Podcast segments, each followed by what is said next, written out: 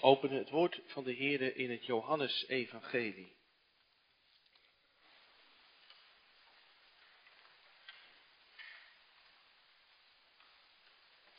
Johannes 13 allereerst enkele versen en dan Johannes 19.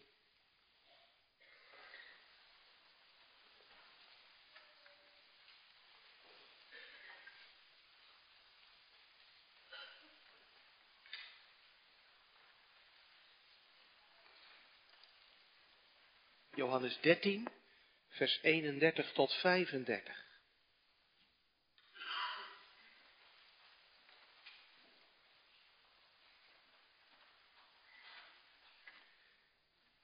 Johannes 13, vers 31, daar klinkt het woord van de Heer toen hij, Judas, dan naar buiten gegaan was uit de paaszaal, zei Jezus, nu is de Zoon des Mensen verheerlijkt en God is in hem verheerlijkt.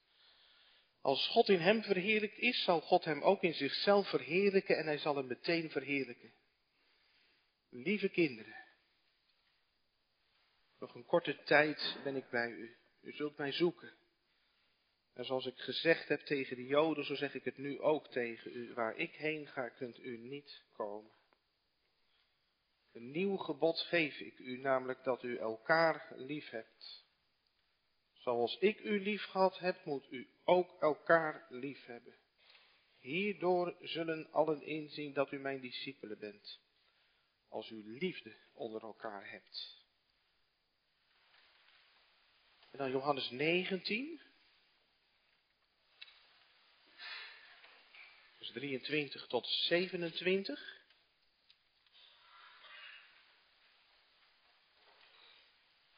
Johannes 19, vers 23. Nadat de soldaten dan Jezus gekruisigd hadden, namen zij zijn kleren en maakten vier delen voor elke soldaat een deel en zij namen ook het onderkleed. Het onderkleed nu was zonder naad van bovenaf als één geheel geweven. Zij dan zeiden tegen elkaar, laten wij dat niet scheuren, maar laten wij erom loten voor wie het zal zijn, opdat het schriftwoord vervuld zou worden dat zegt, ze hebben mijn kleren onder elkaar verdeeld en over mijn kleed hebben zij het lot geworpen. Dit hebben dan de soldaten gedaan. Bij het kruis van Jezus stonden zijn moeder, de zuster van zijn moeder, en Maria, de vrouw van Clopas, en Maria Magdalena. Toen nu Jezus zijn moeder zag en de discipel die hij lief had bij haar zag staan, zei hij tegen zijn moeder, vrouw, zie uw zoon. Daarna zei hij tegen de discipel, zie uw moeder. En vanaf dat moment nam de discipel haar in zijn huis.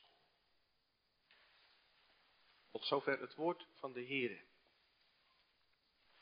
Tekst voor de prediking is uh, het derde kruiswoord.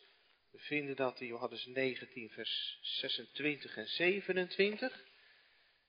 De heiland zegt tegen zijn moeder, vrouw, zie uw zoon. En daarna zegt hij tegen de discipel, zie uw moeder.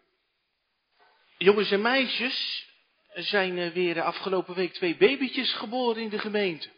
Kijk expres even die kant op. Bij jullie toch? Ja, een zusje. Dat is fijn, dat is een wonder. Als een babytje ergens geboren wordt, dan is je familie ineens een stukje groter geworden, toch? En uh, als er ergens een tweeling geboren wordt, ja, dan, uh, dan wordt je familie ineens met twee mensen groter. Weet je, er was een dag in mijn leven, toen werd mijn familie ineens met tientallen mensen groter. Weet je wanneer dat was? Dat was toen ik trouwde, toen ik ja zei tegen mijn Erika. Op het moment dat ik ja zei, en zij ook, toen waren wij man en vrouw, en toen kreeg ik ineens op die dag er een schoonfamilie bij. Zomaar automatisch. Hoefde ik niks voor te doen. Ik hoefde ook niet te zeggen of dat ik dat wel of niet leuk vond die hoorde gewoon ineens ook bij mij, dat was familie van mij. Weet je, de, de, de kerk, de gemeente is eigenlijk ook een familie. Ik weet niet of je al gekeken hebt wie er vandaag eh, in de bank achter jou zit. Kijk, kijk maar even om.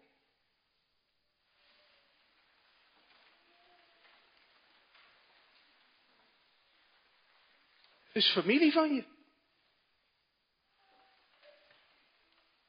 Als je getrouwd bent met de Heer Jezus, als je door de band van het geloof aan de Heer Jezus bent verbonden,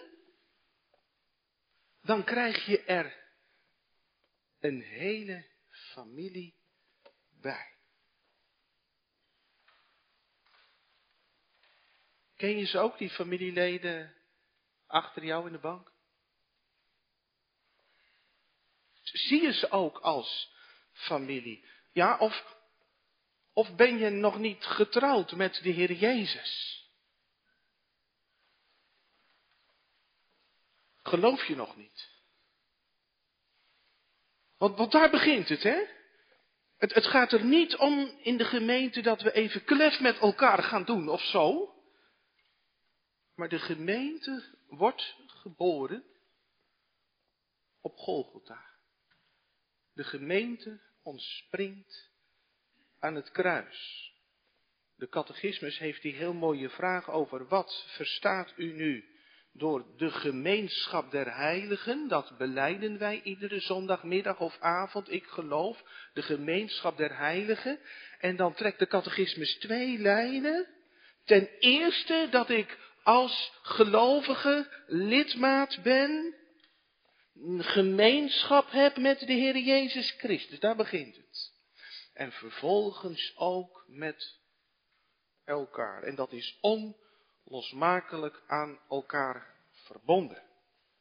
Wat we hier horen in dit derde kruiswoord uit de mond van Jezus, dat is zijn laatste wilsbeschikking. Dat derde kruiswoord is het laatste woord wat de Heer Jezus richt aan mensen.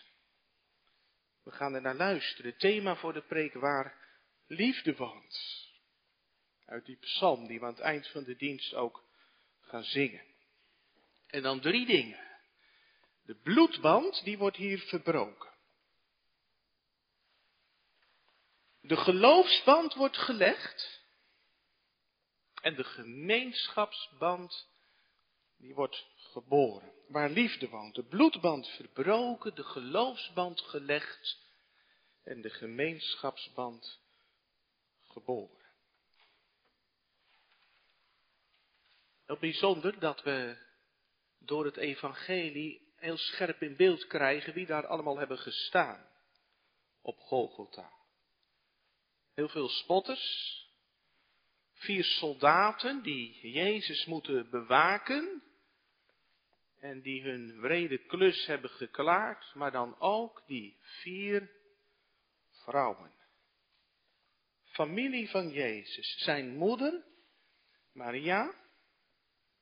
De tweede vrouw die Johannes noemt is zijn tante, de zus van zijn moeder Maria. Waarschijnlijk heette zij Salome.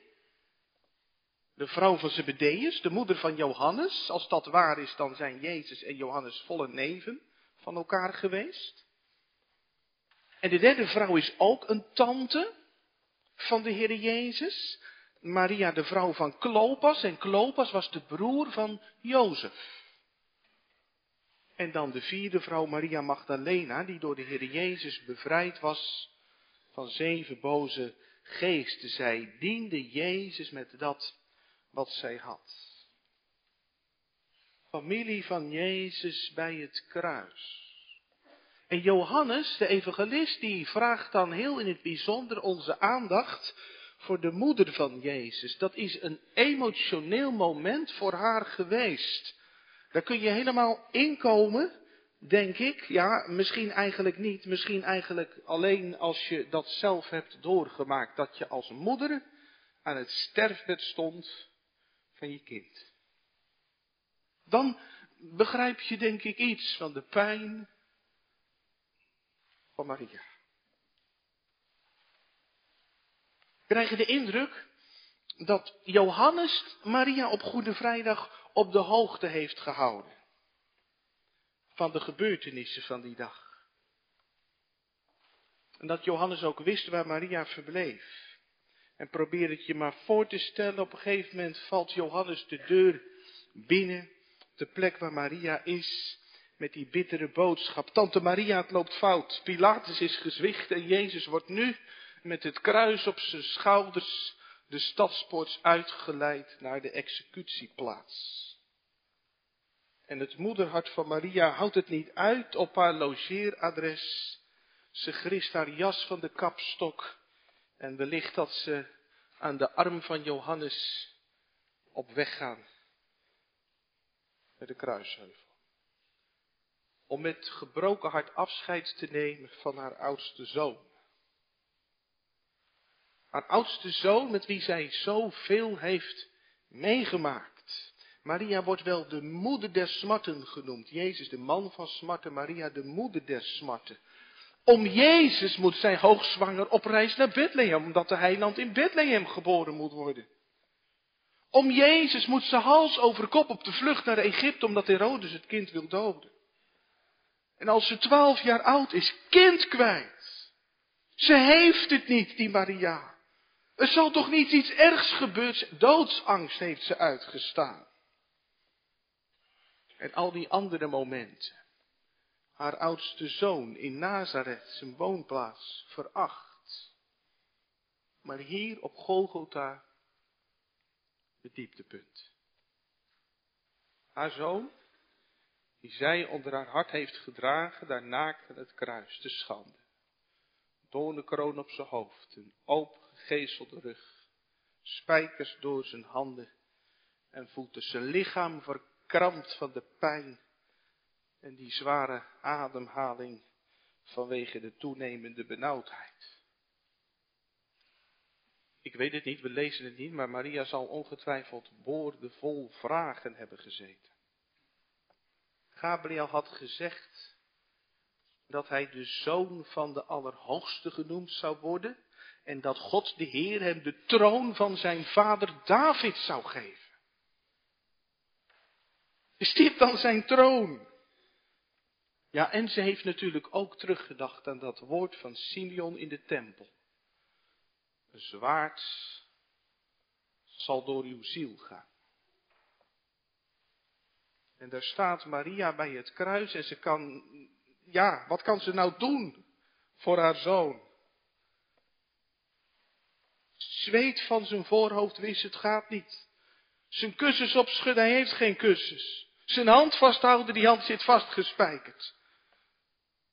Ze kan alleen maar er zijn. Maar gemeente, hoe ontroerend dit tafereel ook is, en het is door heel wat schilders vastgelegd op doek, geprobeerd althans, hoe ontroerend dit ook is, het gaat op Golgotha niet om Maria. Het gaat om Jezus. Hoe zou het voor hem zijn dat zijn moeder er is? Zijn moeder die zoveel voor hem heeft betekend. Gedragen, gevoed aan de borst, in bad gestopt, naar bed gebracht.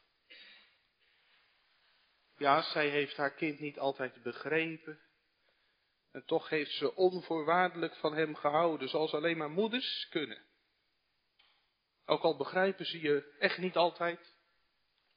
En toch ze hebben je onvoorwaardelijk lief.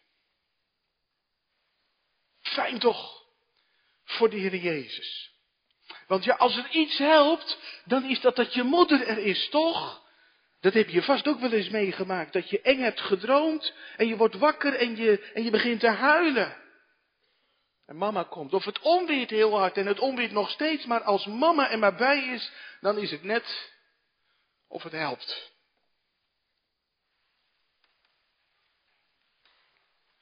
Fijn voor de Heer Jezus dat zijn moeder erbij is. Maar de Heer Jezus gaat de afscheid nemen van Maria. Hij doet zijn mond open. En wat zal die zeggen?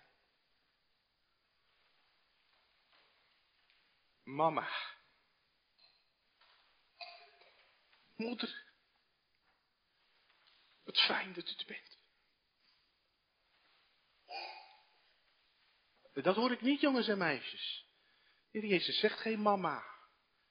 Hij zegt vrouw.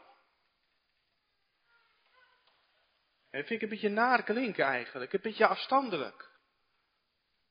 Als ik thuis kom en ik doe de achterdeur bij ons open en ik zou zeggen tegen mijn moeder, dag mevrouw Lubbers, dan zou ze denken dat ik een grap maak of zo. Zeg jij wel eens uh, vrouw of mevrouw tegen je moeder? Nee, mama. Mama.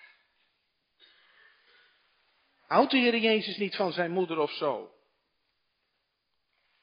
Maar juist wel. In de Bijbel, in het Evangelie, is de heiland een volmaakt voorbeeld van gehoorzaamheid aan het vijfde gebod. Ik noemde dat net al even. Als Maria haar zoon kwijt is, twaalf jaar, en ze vindt hem weer, dan zegt de Heer Jezus op die puberleeftijd, zeg maar, niet heel brutaal, jullie zien ook altijd overal leeuwen en beren. Hij ziet, hij ziet waar het mis zit in het leven van zijn moeder en van Jozef. Niemand heeft zo scherp de gebreken gezien van, van Maria en Jozef als Jezus. En toch, hij stelt beleefd die vraag. Wist u niet dat ik moet zijn in het huis van mijn vader? En hij gehoorzaamt, hij gaat mee terug en hij was hen onderdanig. Volmaakte gehoorzaamheid en het vijfde gebod, dat klaagt mij aan. En misschien klaagt het jou ook wel aan, hè? Smoesjes als je te laat thuis bent. De trap opstampen als je boos bent omdat het je niet zint. Dat je nu al naar bed moet. Zo heel weinig dank u wel voor alles wat je moeder doet. Dank u wel dat mijn kleren weer schoon waren, dat u mijn bed hebt gewassen, dat de wc zo lekker fris is, dat er eten op tafel staat. Wat doet je moeder niet allemaal? Dat ze klaar zit met een kop thee als je uit school komt. Jezus heeft volmaakt het vijfde gebod gehouden. Hier in Johannes 19 kom je dat opnieuw tegen, volmaakte kinderliefde. Want Maria heeft een zoon nodig in het verdere van haar aardse leven. Dat Maria straks niet alleen thuis komt van de begrafenis, om het maar zo te zeggen. Want over Jozef horen we niet meer, blijkbaar is hij al overleden. En steun, echte steun, kan ze niet vinden bij haar andere kinderen. Want die geloven nog niet in de Heer Jezus. Dat komt na Pasen gelukkig wel. Trouwens, die broers van Jezus, die zijn vermoedelijk in Galilea ver weg en niet in Jeruzalem. Maar door dit kruiswoord komt Jezus opnieuw voor zijn moeder op. Hij houdt van haar. Met volmaakte gehoorzaamheid, met volmaakte kinderliefde. En tegelijk zegt Jezus bewust, vrouw. En daarmee snijdt de Heer Jezus als het ware de bloedband met zijn moeder door. Want de drinkbeker van het lijden die de Heer Jezus aan de mond gezet krijgt, die mag geen druppel troost bevatten. Troost die er ligt in de aanwezigheid van zijn moeder. De Heer Jezus had ook al die verdovende wijn met gal geweigerd. Jezus staat straks moederziel alleen voor God van alle kanten alleen gelaten. Om zo de volle last van de toorn van God te dragen in de Godverlatenheid, in de hel. De hel is een verschrikking als je het toch niet wist. Door God verlaten, maar ook door mens. In de hel is niemand die een hand op je schouders legt. In de hel is niemand die zegt, zal ik je hand vasthouden. In de hel is niemand die je een bemoedigend woord toespreekt. En dat doorleidt de Heer Jezus, omdat Hij niet wil dat jij daar komt. Jezus draagt de straf op onze zonde. Wat is zonde? Dat wij tegen de Heer zeggen, laat me los. Ik wil het zelf uitzoeken. En Jezus doorleidt de straf. Zijn vader laat hem los. En iedereen moet hem loslaten. Heb je hem lief? U deze heiland lief. Daar komt het op aan.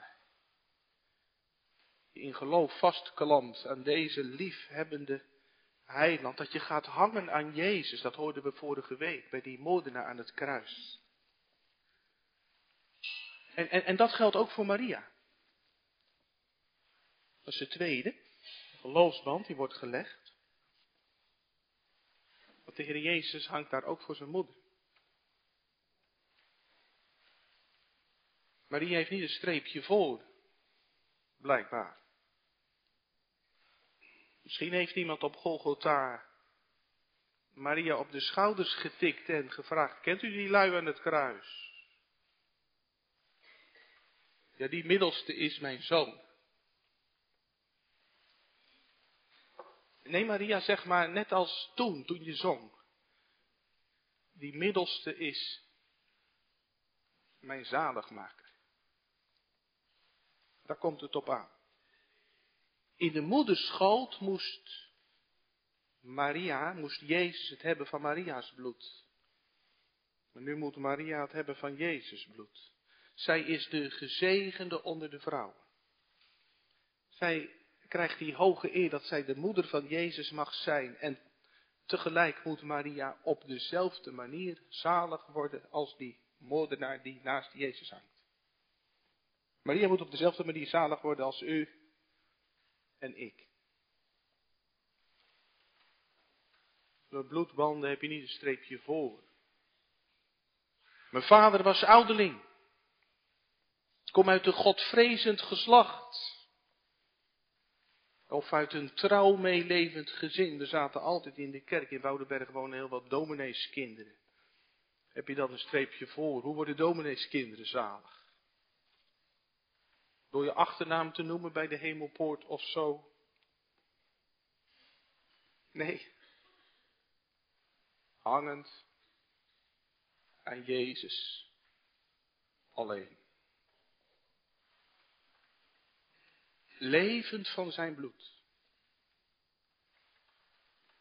Want daarin is vergeving, ook voor al je zonden. Tegen het vijfde gebod dat je de liefde van je ouders zo vaak niet waardeert. En die grote mond en die opstandige reactie.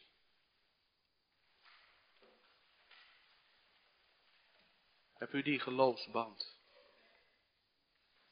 met de zaligmaker? Ik hoop dat u zegt ja. Hoe kom je daaraan? Aan die band. Ik heb gekozen voor Jezus. Ja, dacht je dat? Dat lijkt misschien zo, maar dat is het niet. Het is veel dieper. Dat komt nou door de Heilige Geest. Die je meeneemt naar Golgotha. En je oog in oog zet met Jezus. En je kunt niet meer om hem heen. En hij legt die band van het geloof door zijn geest. Gelukkig maar ook, want als het van hem afhangt, dan ligt het vast. De geloofsband gaat boven de bloedband. Dat had de Heer Jezus trouwens al een keer heel duidelijk verteld, hè? Toen ging hij vertellen wie er horen bij zijn familie. Want dan komen, komen er mensen uh, vertellen bij de Heer Jezus, uw moeder en uw broers staan buiten, ze willen u graag spreken. En dan reageert de Heer Jezus, wie is mijn moeder en wie zijn mijn broeders? Wie de wil van mijn vader doet die in de hemelen is, die is mijn broeder en zuster en moeder. Dan ben je familie van Jezus, als je de wil doet van de Vader die in de hemelen is. De geloofsband gaat boven de bloedband en de geloofsband is ook sterker dan de bloedband. Want aan die bloedband komt een keer een einde, maar de geloofsband kan niet stuk. Er komt een dag en dan moet ik mijn Erika en mijn kinderen loslaten. Maar Jezus houdt vast. Niemand zal mijn schapen uit mijn hand rukken. De geloofsband met Christus is een band die nooit breekt.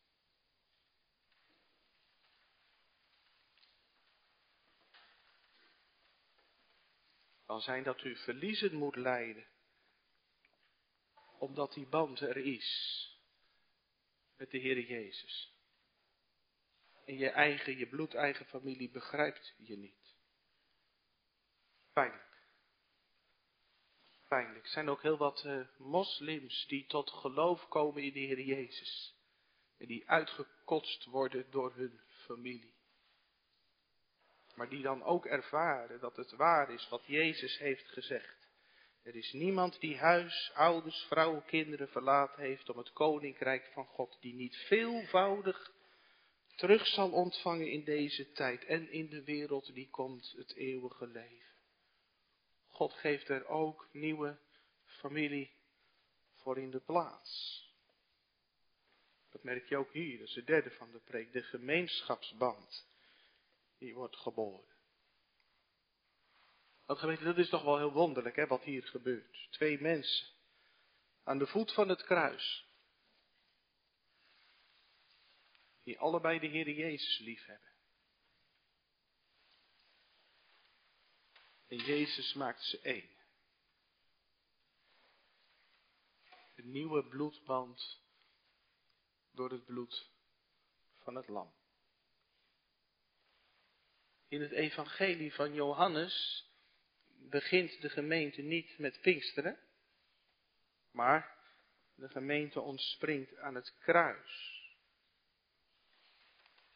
Dat wij gemeente zijn, dat danken wij aan het kruis.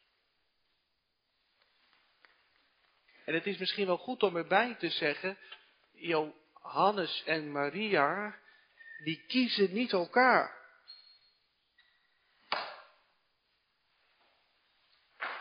Maria, wie zou je willen als zoon?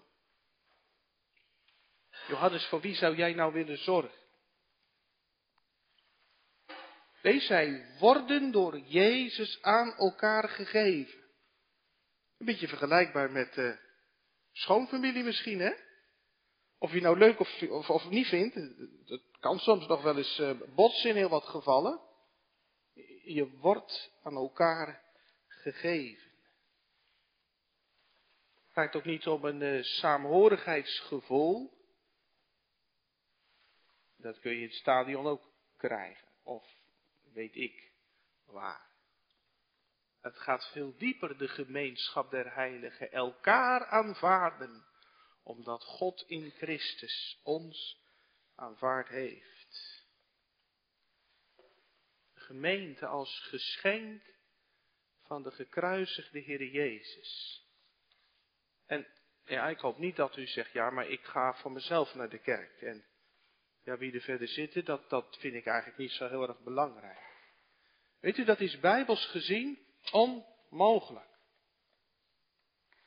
In de Bijbel is dat onlosmakelijk aan elkaar verbonden, die verticale lijn met de Heer Jezus en dan ook de horizontale verbinding met elkaar.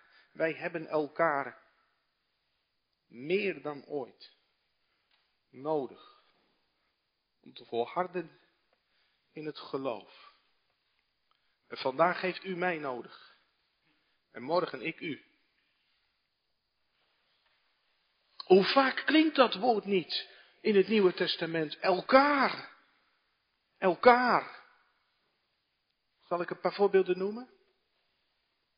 Houd vrede onder elkaar. Een uitdaging op zich. Vertroost elkaar. Met de woorden van de wederopstanding van de doden. Als je bedroefd bent. Dat je mensen verloren bent aan de dood. Bemoedig elkaar. Schrijft Paulus in 1 Thessalonicense 5. God heeft ons niet bestemd tot toon, maar tot verkrijging van de zaligheid door onze Heer Jezus Christus. Bemoedig elkaar met het evangelie van de hoop en van de redding. Wees voor elkaar vriendelijk. en barmhartig. En vergeef elkaar. Zoals ook God in Christus u vergeven heeft. Wees elkaar onderdanig in de vrezen van God. En we lazen Johannes 13. Wat is nou kenmerkend voor een discipel van Jezus? Hierdoor zullen allen inzien dat u mijn discipelen bent, als u liefde onder elkaar hebt. Zoals ik u lief gehad heb, zo moet u ook elkaar lief hebben.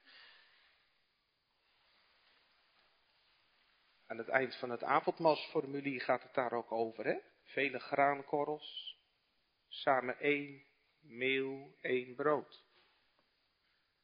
En vele druiven, die samen tot één wijn vermengd worden. Zo zullen wij allen die door het waarachtig geloof Christus ingelijfd zijn, door broederlijke en zusterlijke liefde samen één lichaam vormen. Omwille van Christus, onze geliefde zaligmaker, die ons tevoren zo bijzonder heeft liefgehad. En dit zullen wij niet alleen met woorden, maar ook met daden aan elkaar bewijzen. Woorden en daden, zo krijgt die gemeenschap der heiligen vorm. Kijk maar naar uh, Maria en Johannes. De moeder van Johannes die had op een keer gevraagd aan Jezus, als u in uw koninkrijk bent, mogen mijn uh, zoons dan links en rechts van u zitten, mogen zij minister worden in uw koninkrijk. Nou ja, Johannes mag je minister worden, minister van Sociale Zaken. Hij krijgt vanaf het kruis zijn portefeuille uitgereikt. Hier uw moeder. En het lijkt erop dat uh, Johannes er geen gras over laat groeien.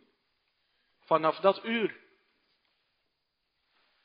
neemt hij Maria in zijn huis. Zou kunnen betekenen dat ze op dat moment zijn vertrokken op Golgotha. Jezus heeft afscheid genomen van zijn moeder. Maria en Johannes gaan. En Johannes zorgt voor onderdak, heel praktisch, maar zou het vooral niet ook geestelijk zijn geweest? Natuurlijk niet voor niets, hè, dat uh, de Heer Jezus uitgerekend Johannes bij Maria plaatst. Johannes die diep geestelijk inzicht heeft gehad, getuige zijn evangelie. Wij hebben zijn heerlijkheid aanschouwd. Johannes ziet altijd meer. En hij mag Maria steunen.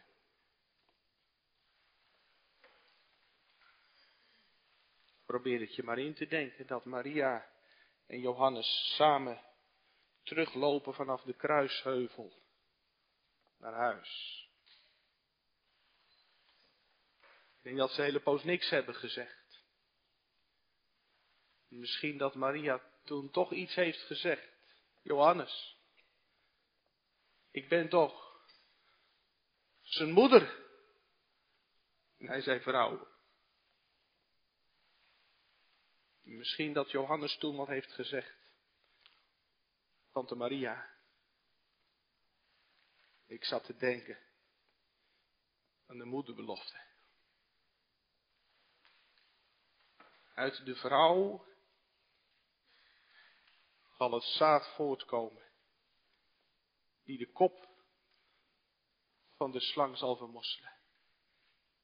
U bent die vrouw, Tante Maria. Maar Johannes, dit offer is zo zwaar. Dit is te zwaar. Mijn zoon. Tante Maria, Jezus heeft ons geleerd. Niet de moeder geeft haar zoon. Maar God heeft zo lief de wereld gehad. dat Hij zijn enige geboren zoon gegeven heeft als offer voor de zonde. Niet het offer dat u brengt, Tante Maria, maar het offer dat de Vader geeft, is beslissend.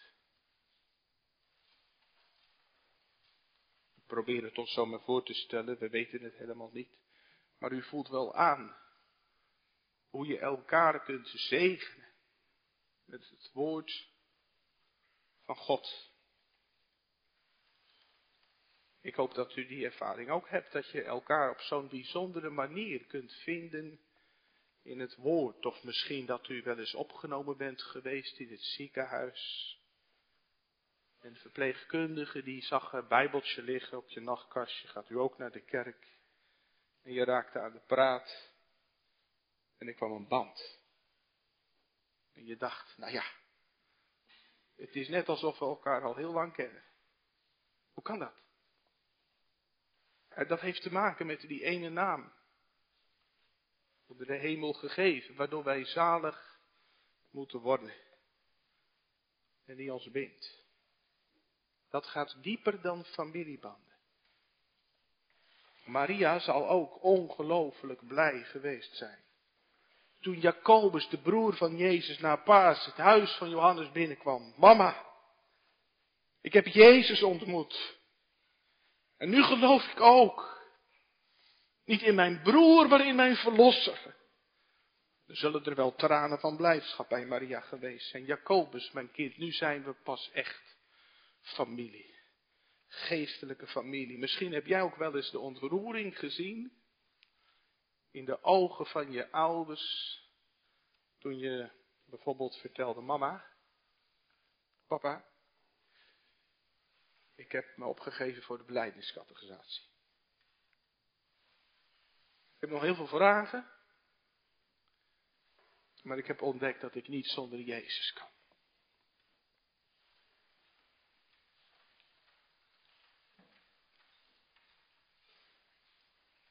Elkaar tot zegen zijn. Met woorden. Ook met daden prachtige voorbeelden van in de gemeente. Het is ontroerend. Hoe dat werkt, hoe dat gaat. Een kaartje, een telefoontje, een hand in de lucht. Of, of de handen uit de mouwen, een luisterend oor. Wat een zegen van God. Maar gemeente, laat, laat ik ook gewoon maar eerlijk zijn.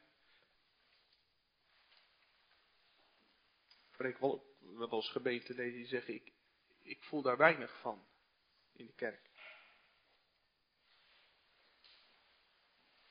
We moeten misschien oppassen dat we daar in mineur over gaan praten. Hè? Dat we negatief naar huis gaan. Die kant moeten we niet op. Het is misschien wel goed om, om ook die vraag aan elkaar te stellen. Hoe kan het dat dat soms ontbreekt? Dat de verbondenheid in de gemeente onder druk staat. Paar dingen. Ik denk dat wij allemaal de lucht inademen die in onze wereld, in onze samenleving hangt. Een individualistische samenleving. Zorg dat jij je ontwikkelt, dat jij geniet, dat jij gelukkig bent. Ja, en dan komt zomaar je naaste meer en meer buiten beeld. En, en onze samenleving is een prestatiemaatschappij. Geslaagd zijn is de norm. En op social media en zo, daar ben je ja, eigenlijk je mislukkingen en je teleurstellingen aan het verstoppen. Heeft zijn weerslag op ons.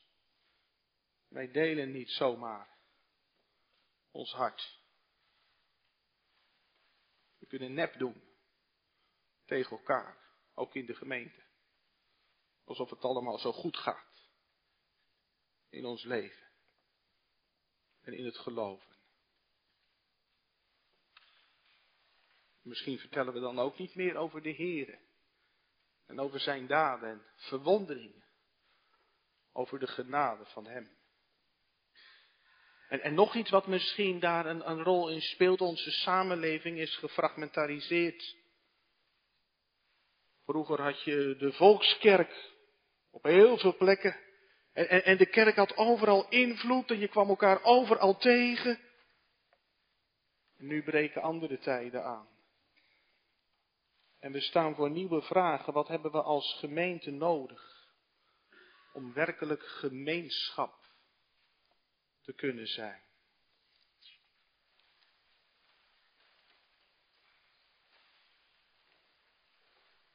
En misschien zou je dan allemaal oplossingen kunnen bedenken. Hè? Um, misschien uh, heb je wel eens gehoord dat uh, als je in een, uh, in, een, in een andersoortige gemeente komt, aan het begin van de dienst, dan nodigt de voorganger je uit. Dan ga allemaal even staan en geef even een hand. En de mensen die achter je zitten en voor je zitten en naast je zitten. Misschien zegt u alsjeblieft. Bij alle andere oplossingen die u misschien zou willen noemen, zou ik één ding met klem willen zeggen. Wij maken de gemeenschap niet, maar die is vrucht van het kruis van Jezus. De belangrijkste vraag van morgen is, hoe staat het met de wortel? Als die gemeenschap met elkaar vrucht is, hoe staat het met de wortel? Leef ik dicht bij de Heer Jezus? Maria en Johannes gaan naar huis. Jezus blijft achter. En straks komt de Godverlatenheid. Gemeente, is uw hart vol van Jezus in deze Leidersweek? Is Hij het voor u geworden? Die Emmausgangers die zijn zo vol van de Heer Jezus. Ze gaan terug naar Jeruzalem. En het moet van hun hart en van hun tong Jezus leeft. De gemeenschap der heiligen is niet te organiseren, maar wordt geboren op Golgotha. Als je veel van de Heer Jezus houdt, ga je op hem lijken. Hij wilde dienen. Kennedy, die president van de Verenigde Staten, die zei ooit tegen de Amerikanen: Vraag niet wat het land voor jou kan doen, maar vraag wat jij kunt doen voor je land. Zo. Wat kan ik doen in de gemeente van Christus. Omdat Hij het voor mij is geworden. En ja, dan wil je best wel een geheugensteuntje vanaf het kruis horen. Zie, zegt Jezus twee keer. Kijk eens om je heen. In gedachten als je thuis bent. Of terwijl je het kerkblad leest. Kijk eens om je heen. Je moeder, je broer, je zus, je zoon, je dochter. Jezus plaatst mensen op mijn pad leer kijken met de ogen van de heiland. En de Heer Jezus wijst mij heel speciaal op die mensen met een gebroken hart zoals Johannes gewezen werd. Jezus. En die door een tranendal gaan. Onze weduwen. Weduwnaars. Wezen. En van wie het huwelijk gebroken is en die alleen door het leven gaan. En die geen mens hebben. Zie! En dan loop ik straks de kerk uit. En dan zeg ik niet, waar is mijn auto? Een fiets. Waar is de koffie? Maar waar is mijn broer? Waar is mijn zus? Zullen we dat gewoon echt blijven doen? Even plakken op het kerkplein, al is het maar drie minuutjes. Even kijken. Hoe is het? We hebben elkaar nodig. Ik ook. En daar gaat wat van uit. In onze individualistische samenleving. Rutherford schreef uh, catechismus waarin hij de vraag stelt, waaruit bestaat de liefde tot de heilige? Dan noemt hij drie dingen. Met elkaar bidden. Bedroefd zijn met hen die verdriet hebben. Vreugde hebben met hen die blij zijn. Zo als pelgrimsgemeente onderweg naar de toekomst, de eeuwige heerlijkheid. Jezus en Maria, jaren geleden. Drie jaar. Toen waren ze ook samen op de bruiloft van Cana. De enige andere keer dat Maria genoemd wordt in dit evangelie. In Cana en op Golgotha. En Maria zei, ze hebben geen wijn meer. En Jezus zei, mijn uur is nog niet gekomen. En nu is het uur van Jezus wel gekomen. Zijn water, zijn bloed, zijn zweet, zijn tranen, verandert hij in wijn. De wijn van Gods liefde op Golgotha te krijgen. En daarom kan de bruiloft doorgaan. De bruiloft van het lam, gemeente, bent u, familie van Jezus, bent u erbij. Hoe meer zielen, meer vreugd. Amen.